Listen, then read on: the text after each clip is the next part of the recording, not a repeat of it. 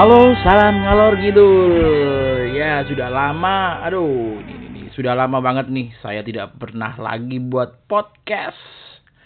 Ya, sekedar obrolan aja, sekedar cerita aja dari pengalaman-pengalaman sehari-hari atau pengalaman dari teman-teman saya.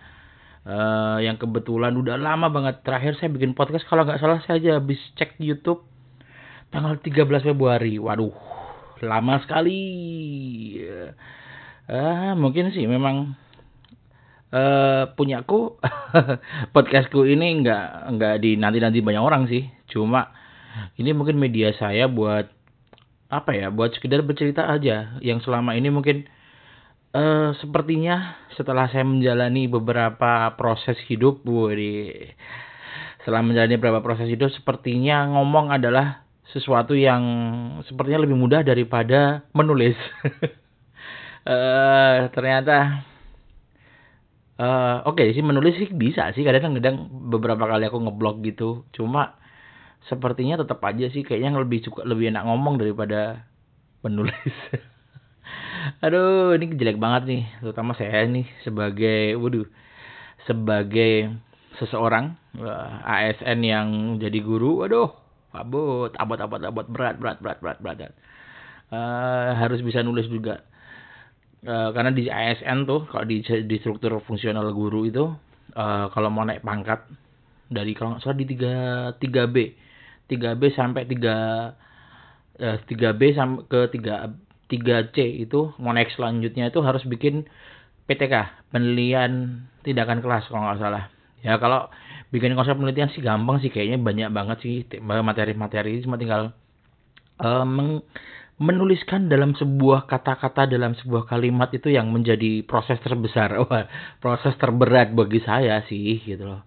Cuma ya nggak ada salahnya sih sebetulnya uh, ketika harus bisa tetap rajin menulis dan itu yang PR terbesar buat saya. Dan seperti obrolan saya kemarin di beberapa podcast saya di beberapa episode yang lalu, waduh beberapa episode yang lalu. Kebetulan kemarin ternyata podcast udah sampai 20 episode. Terakhir Februari, sekarang bulan Februari, Maret, April, Mei, Juni, Juli, Agustus, September 7 bulan tidak bikin podcast saudara-saudara. Ternyata. Aduh, dan tetap andalan saya tetap dengan uh, Zoom H1 masih aja uh, gadget yang sepertinya tidak pernah saya sangka bisa terpakai sampai saat ini. Agak susah juga sih ternyata memanfaatkan ini. Beberapa gadget-gadget yang pernah saya beli uh, akhirnya uh, terbuang sia-sia. Terakhir kemarin beli GoPro. GoPro abal-abal. Berapa ya? 150 ribu atau berapa? Ternyata cuma bisa ngerekam 3 menit doang Aduh, ya maklum deh nggak apa-apa lah. Yang penting bisa foto dalam air, bikin video dalam air tiga menit doang. Nyambungnya disambung-sambung. uh, dan ketika mantau beberapa uh, podcast yang saya kemarin posting, ternyata emang ada yang paling aneh sih. Uh, sebuah obrolan ngalor ngidulnya di uh, dengan teman saya tentang alumni jurusan manajemen pendidikan ternyata view-nya paling banyak itu sampai 500 kan bagi saya banyak loh. Ya. Karena saya nggak nggak bikin target view sih untuk ataupun target listener di uh, di podcast saya. Karena ini ya podcast ngalor ngidul benar-benar ngalor ngidul apa yang saya omongkan itu. Dan memang beberapa bulan ini dari mungkin dari bulan Februari sampai sekarang saya memang disibukkan dengan ber, dengan pekerjaan dengan beberapa keinginan yang tidak pernah terwujud. Belum terwujud mungkin lebih tepatnya. Dan ya ini ini proses saja. Waduh ada pesawat nih. uh, ya ini sekedar cerita aja sih uh, pengalaman beberapa yang sudah saya alami. Mungkin udah pada tahu udah dari cerita kemarin-kemarin dari podcast saya kalau saya adalah seorang guru BK guru bimbingan konseling di sebuah SMK negeri di kota Yogyakarta. Oke lah profiling tempat saya udah pasti udah nemu bahwa kalau saya dikerja di SMK 3 Yogyakarta. Banyak cerita sih di sini gitu loh. Uh, tapi saya mau cerita tentang beberapa kesibukan saya beberapa bulan ini yang sedang saya rasakan kebetulan uh, saya menjadi guru BK tahun ini saya memegang anak-anak kelas 1 wow jadi di dunia BK waduh dengeran pesawat nggak ya nih? Nggak apa deh.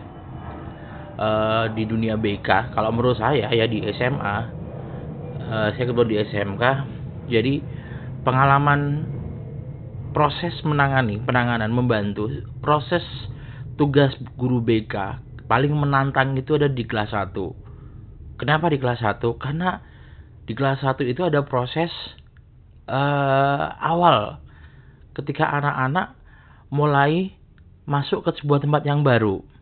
Mereka dari SMP gitu tuh kan masuk terus masuk ke SMA atau SMK gitu.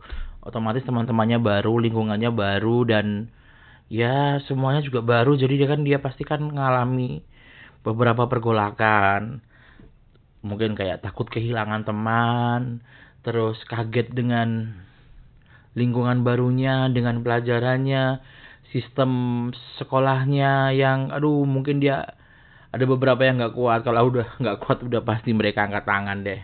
Ya emang beberapa emang terjadi gitu. Cuma memang agak disayangkan aja sih ketika di awal masuk sekolah udah punya pengalaman seperti ini, perasaan seperti ini, jadi kayak uh, hikmah yang saya temukan memang ketika di kelas 3 SMP memang kayaknya memang uh, mereka anak-anak yang mau masuk ke kelas mau naik lah ke kelas SMA memang perlu pengetahuan yang cukup banyak tentang di dunia SMA itu ke seperti apa SMA atau SMK seperti apa jadi ketika masuk itu memang dia udah punya bayangan. Dan faktanya sih sebetulnya banyak anak-anak yang mungkin kalau di uh, kalau dari data kalau saya nggak bisa bikin nggak bisa bikin prosentase sih ya. Cuma uh, dia pasti ngerasa uh, tidak sesuai bayangannya. Misal gini deh. Uh, ada anak suka dia suka mesin. Mesinnya mesin apa nih? Mesin mobil mesin motor di SMK ini aku berbicara SMK ya di SMK itu uh, dia ketika berbicara mesin banyak ada banyak hal. Ada mesin pesawat ada mesin motor mesin mobil ada mesin produksi kayak mesin bubut mesin freeze nah pada nggak tahu kan? Cari aja di Google deh. Ya kayak gitulah. Yang mereka nggak tahu kadang-kadang sebetulnya apa sih itu gitu mereka nggak punya bayangan apa apa mungkin dapat cerita oh masuk mesin aja enak kayak gini kayak gini kayak gini. Oh mau masuk uh, kendaraan ringan aja. Kendaraan ringan itu kebetulan jurusan yang mungkin nangani uh, otomotif uh, mobil kebetulan. Jadi kalau lulus itu sebetulnya idealnya mereka jadi jadi mekanik mobil gitu. Tapi nggak harus jadi mekanik mobil sih apa aja sebenarnya berkaitan dengan mesin itu bisa mereka lakukan gitu loh. Cuma keilmuan yang mereka dapatkan di di SMK atau kalau misalnya di kendaraan ringan ya tentang mobil. Beda kan dengan uh, kendaraan ringan yang maaf jurusan yang mesin motor. Nah itu ada jurusan lagi itu yang namanya teknik sepeda motor. Nah kadang-kadang anak-anak itu ada yang tidak tahu dari awal. Masuk jurusan mesin tahunya dia ya wah ini aku bakal nangani mesin-mesin nih. Mesin mobil mesin motor. Ternyata dia sukanya mesin motor. Kalau anak-anak sekarang kan faktanya gitu. Jadi siapa sih gak suka naik motor gitu loh anak-anak sekarang.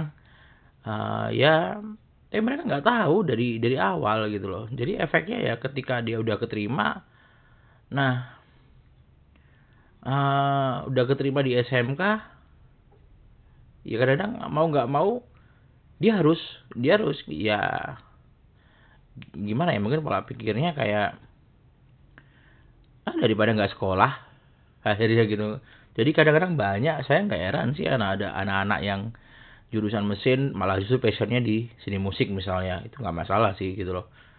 Jadi sekolah ya kayak sekolah gitu loh. Dan di SMK sebetulnya sih memang mereka diajarkan bukan untuk jadi pinter banget masalah mesin ataupun apa keterampilan kompetensi itu ya itu kamu punya keterampilan lebih lebih bagus gitu ya tapi di dunia kerja faktanya pinter itu nggak cukup gitu loh justru karena SMK ya aku berbicara SMK anak SMK itu uh, idealnya berbicara ideal aduh aku haus haus dulu minum dulu deh. Anak SMK itu seharusnya itu kerja idealnya berdasarkan beberapa aturan. Ya mungkin konsep-konsep pemerintah konsep pemerintah terhadap vokasi itu ya mereka harus kerja. Lulus SMK itu harus kerja sesuai dengan bidangnya misal perhotelan ya ke perhotelan ke tata boga ya tata boga. Tata boga itu yang masak-masak gitu ya. Terus kecantikan ya jadi di capster sal jadi salon gitu loh di salon jadi rias make up dan sebagainya.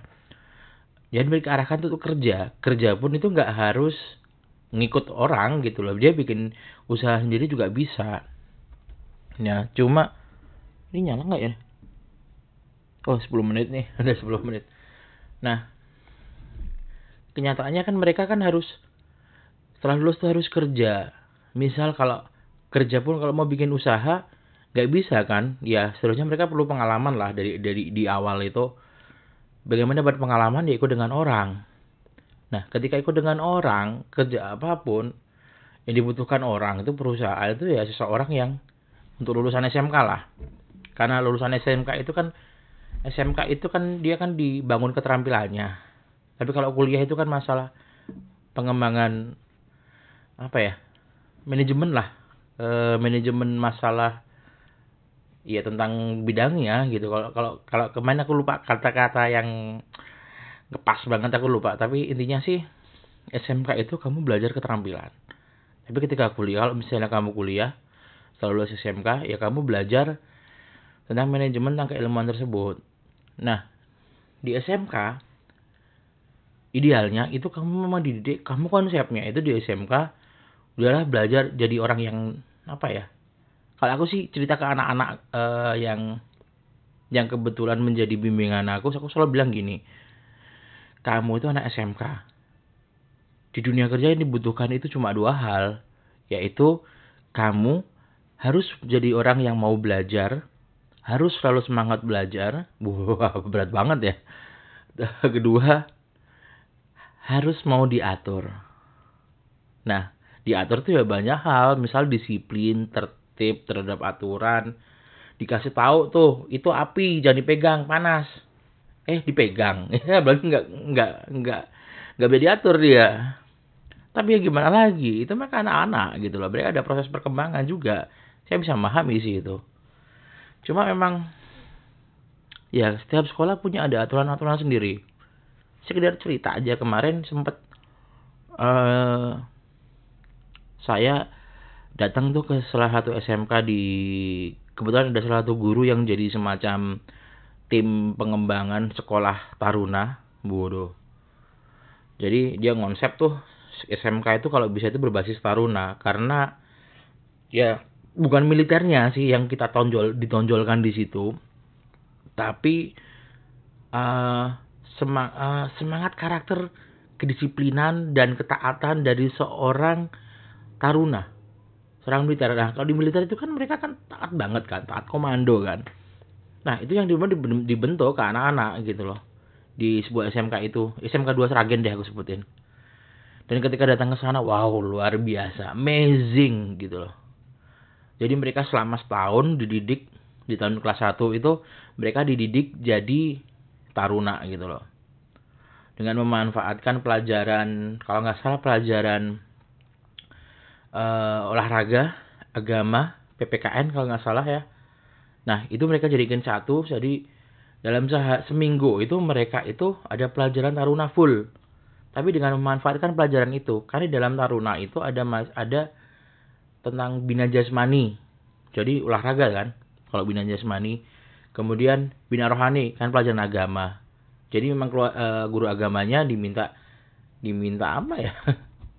diminta permintaannya untuk merelakan tapi juga dia akan tetap bisa ngajar gitu loh jadi seorang guru sesuai dengan tugasnya gitu loh jadi dia memanfaatkan PPKN PPKN itu kan bela negara dan sebagainya itu kan basic banget nasionalisme nah dengan memanfaatkan itu mereka dididik jadi seorang taruna bener-bener ya bener ya seperti itulah taruna kalau menurut konsep taruna gitu loh mereka dididik harus tertib harus ada standarnya standar berpakaian, standar uh, dalam berperilaku, dalam menyapa orang lain, dalam menghormati orang lain.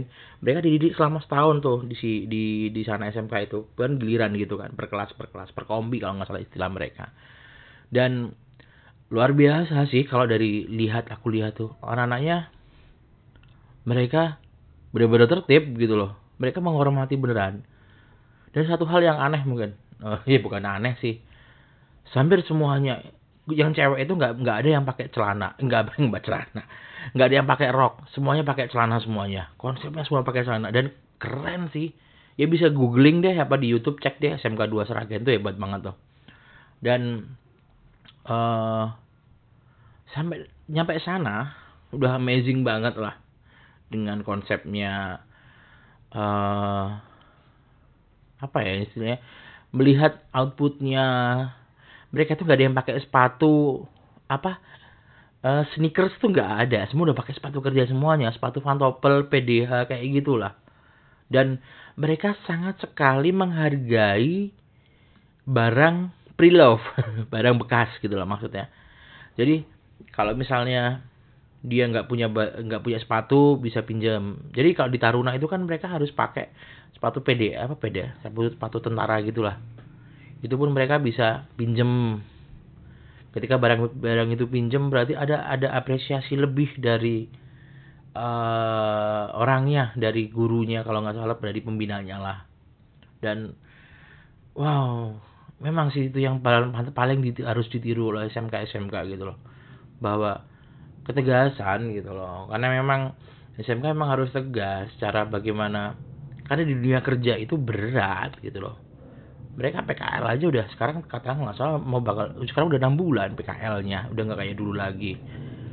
Dan memang anak-anak sekarang berbeda dengan anak-anak yang dulu lah. Dan semua memang karena informasi informasi apa pun. Gila aja anak-anak sekarang itu aduh. Ya anak itu memang sesuai dengan zamannya sih. Uh, semuanya lah. Uh, dan itu yang menjadi sebuah apa ya keunikan dari anak-anak gitu loh. Kita nggak bisa memaksakan sesuatu untuk anak tapi kita bisa mengarahkan.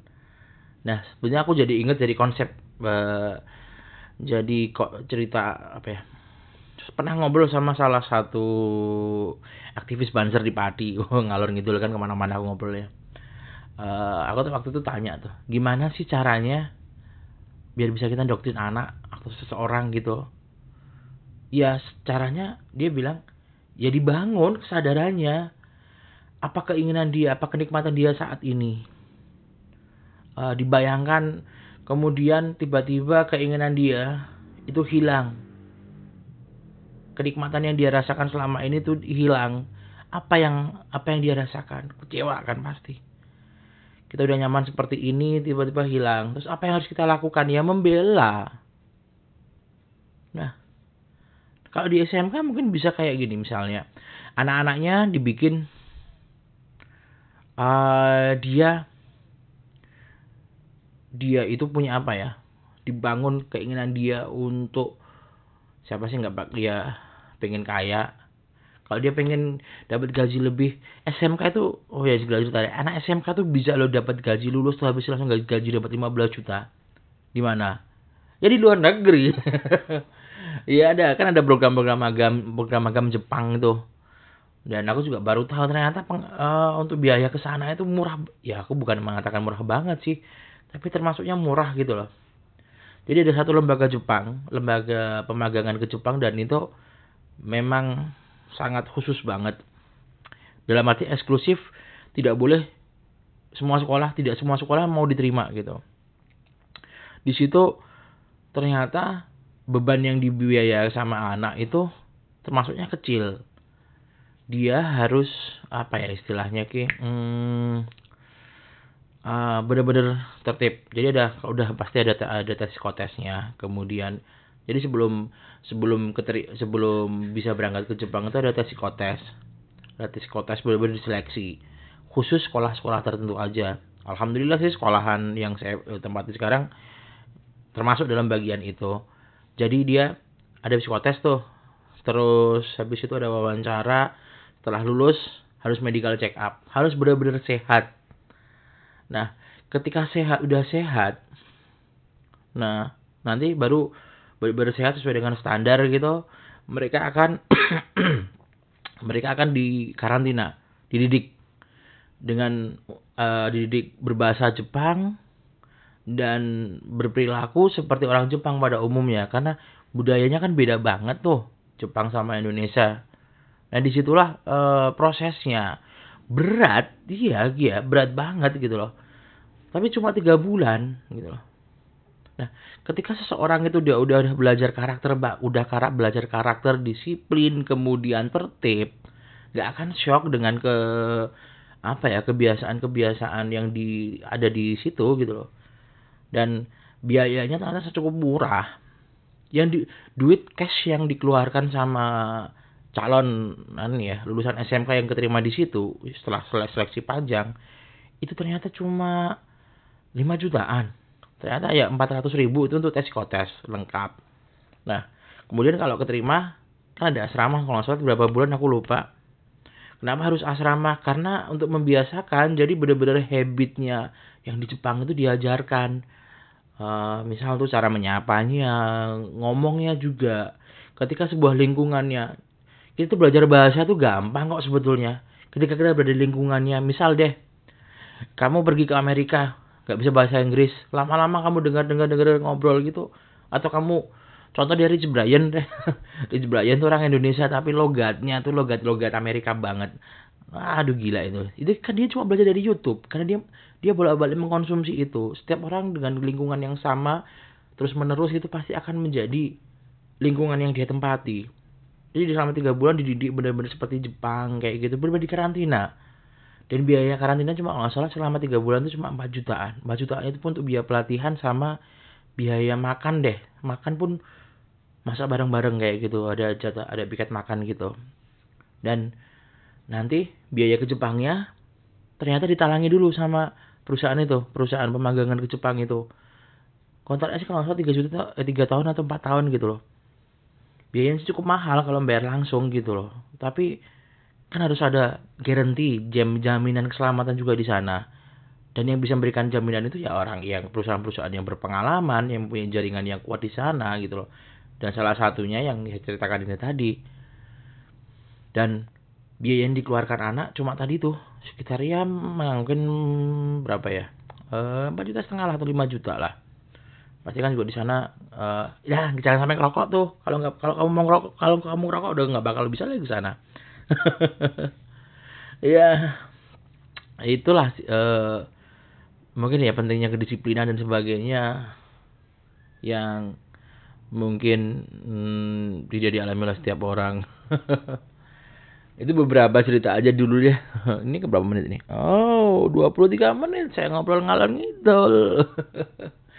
Untungnya aja terdokumentasikan. Obrolanku oke ngalor ngidol banget deh. Apa pun yang saya sebenarnya tidak bikin skrip sama tidak bikin plan apa pun ngobrol ini saya juga uh, ngobrolnya. Intinya sih selama ini apa ya yang saya temui itu juga banyak hal yang sangat sangat menarik sih. Dan mungkin bisa diceritakan dan entah penting atau nggak penting sih. Nanti tergantung judulnya deh apa judulnya nanti ya. Kita udah podcast uh, udah pasti nanti harus jadi dulu dikasih bumper uh, dan mungkin besok ah berusaha deh sehari satu lagi atau ya di push gitu ya. Minimal bisa setahun itu bisa 200 pot oh berapa ya? Kan tinggal 65 hari. Nggak aja 100 podcast gitu cukup luar biasa ya 100 episode oke deh sekian dulu dari saya ngobrol, uh, ngobrol ngalor ngidulnya Uh, mohon maaf kalau tidak bermanfaat. Sudah pasti tidak bermanfaat. Oke, sekian dulu dari saya Faiz undur diri. Terima kasih sudah dengarkan podcast ngalor ngidul dan salam ngalor ngidul.